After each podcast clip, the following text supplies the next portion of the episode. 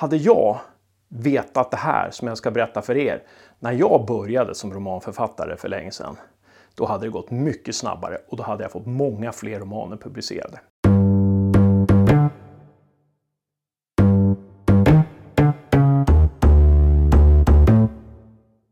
Lyssna upp nu, för idag ska vi prata om protagonisten. Och vad är protagonisten då, tänker ni? Det låter bekant.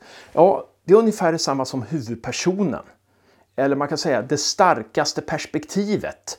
Den som läsaren liksom följer genom romanen. Den vars tankar vi tänker, den vars känslor vi känner och så vidare. Så det är ganska självklart att om vi författare investerar ganska mycket i protagonisten så får vi med oss läsaren på ett helt annat sätt. Va? Och det finns ju en del så här myter kring protagonisten. Den ska vara på ett visst sätt, den måste vara god till exempel. Det stämmer inte. Protagonisten behöver inte alls vara god. Huvudpersonen kan vara hur ond som helst, men vi kan få med oss läsaren ändå. Protagonisten behöver heller inte vara sann mot läsaren eller mot de andra i berättelsen. Ja, protagonisten behöver faktiskt inte ens utvecklas. Men det är bra om hon förändras. Nu ska vi gå igenom främst två saker idag tänkte jag och ni ska få göra några övningar. Vi kan väl ta och börja med den sak som är näst viktigast och så spar vi den viktigaste detaljen till sist. Vi börjar då med att få läsaren att vilja känna för protagonisten. En berättelse är ju liksom en transaktion mellan en läsare och mig som författare. Så jag kommunicerar ju med läsaren genom mina sätt att uh, plottra med berättelsen.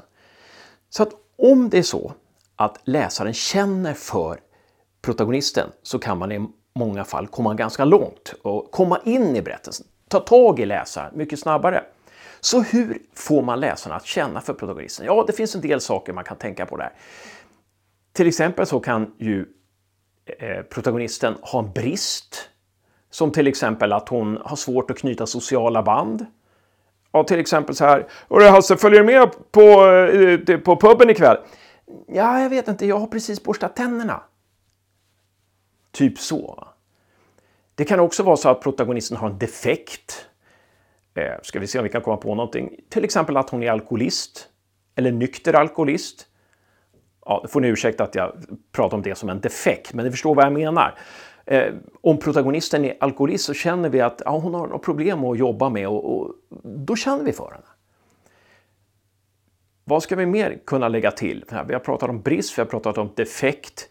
Vi kan ju också förse protagonisten med tomrum. Att hon till exempel miste sin eh, pappa och mamma när hon var sju år. Det gör att vi känner för henne. Vi kanske inte, det är inte tillräckligt för att vi ska vilja följa henne och följa med i berättelsen, men det räcker för att vi ska känna för henne. Då ska vi ta och köra en liten övning här. Mm. Är ni med? Och om ni vill ha lite tid för den här övningen kan ni alltid pausa och fortsätta titta senare. Jag ska se om jag kan improvisera ett, ett litet försök till en lösning också. Om vi tar den här meningen. Carlos gick och åt på Max. Sen gick han hem och dammsög. Mm. Inte någon spännande protagonist Och ni behöver inte göra honom spännande, men ni ska lägga till någonting som gör att vi känner för honom. Okej? Okay?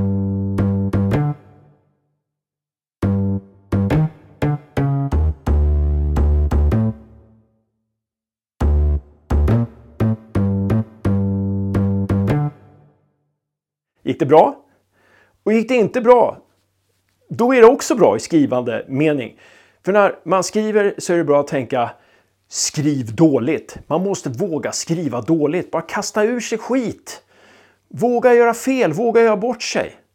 Var inte så jävla duktig helt enkelt. Det kan vara bra ett mantra.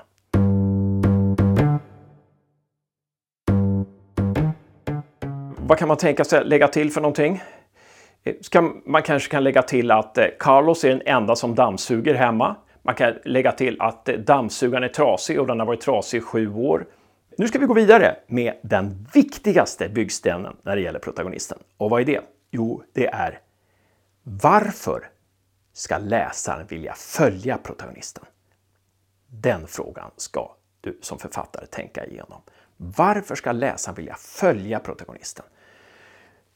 Vi behöver inte känna för protagonisten. Det är liksom en bonus eller det är någonting vi kan jobba med.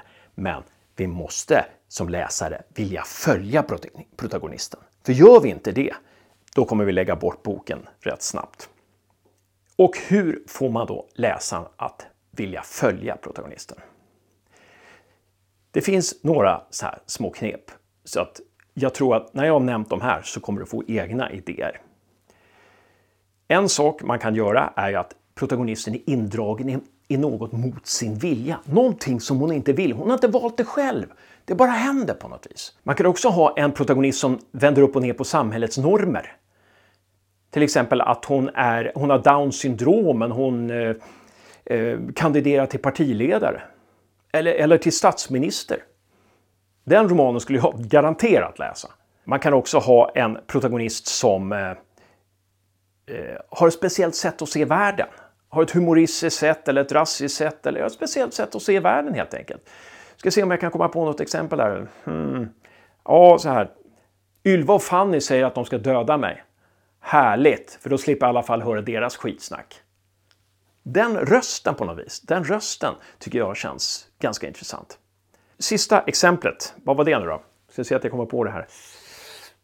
Jo, man kan ha en protagonist som trycker igång kollektiva triggers i läsaren. Och vad betyder kollektiva triggers då? Jo, det, den termen fick jag faktiskt av en kursdeltagare för några år sedan. Jag kallade det arketyper då, men hon sa att det är inte en riktig arketyp. Kalla det eh, kollektiva triggers istället. Och så det har jag gjort. Och vad betyder det? Jo, det är att om jag kan sätta protagonisten i en situation som gör att eh, läsaren omedvetet bara tar protagonisten till sig och vill följa henne. Då är det bra att använda en, en kollektiv trigger som till exempel att man är förföljd. Om en person i, i en roman är förföljd, då är jag direkt med på den resan. Eller om en, en karaktär i en roman håller på att drunkna, jag är direkt med den karaktären som håller på att drunkna. Eller står högt upp, uppe på eh, eh en skyskrapa och har svindel. Jag är direkt med den personen. Så att oberoende av mitt intellektuella allt som jag tänker, så, så liksom min magkänsla bara säger att den personen vill jag följa. Okej, okay. nu ska du få en övning, en andra och en sista övning i det här klippet. Och den övningen bygger på en protagonist som är ganska ensam. Vi känner för henne, men det finns ingen riktig anledning att följa henne. Så se om du kan komma på, lägga till någonting som gör att vi vill följa Emma. Emma var ensam på skolgården på rasterna. När skoldagen var slut gick hon hem utan kompisar. Ja, gick det bra? Och som sagt, gick det inte bra? Bra! För då har du vågat vara dålig. Om jag ska ta och improvisera fram någonting där då? Ja, vad ska vi säga? Tänk om Emma, när hon är på väg hem, om hon... Eh, om läsaren får reda på att Emma har lärarens hemnyckel i sin skolväska och får reda på att hon har tagit den under dagen. Det skulle skapa en laddning inför framtiden. Tror jag i alla fall. Ja, det ska bli spännande att se vad ni har kommit på för förslag i övningarna, vad ni hittar för lösning i övningarna. Skriv dem gärna i kommentarsfältet här nere. Skriv gärna i kommentarsfältet om ni önskar en föreläsning om ett speciellt fenomen. Men eh, det var allt för eh, den här, det här temat som hette Protagonisten. Lycka till med romanen nu! Och prenumerera på kanalen för tusen! Hej!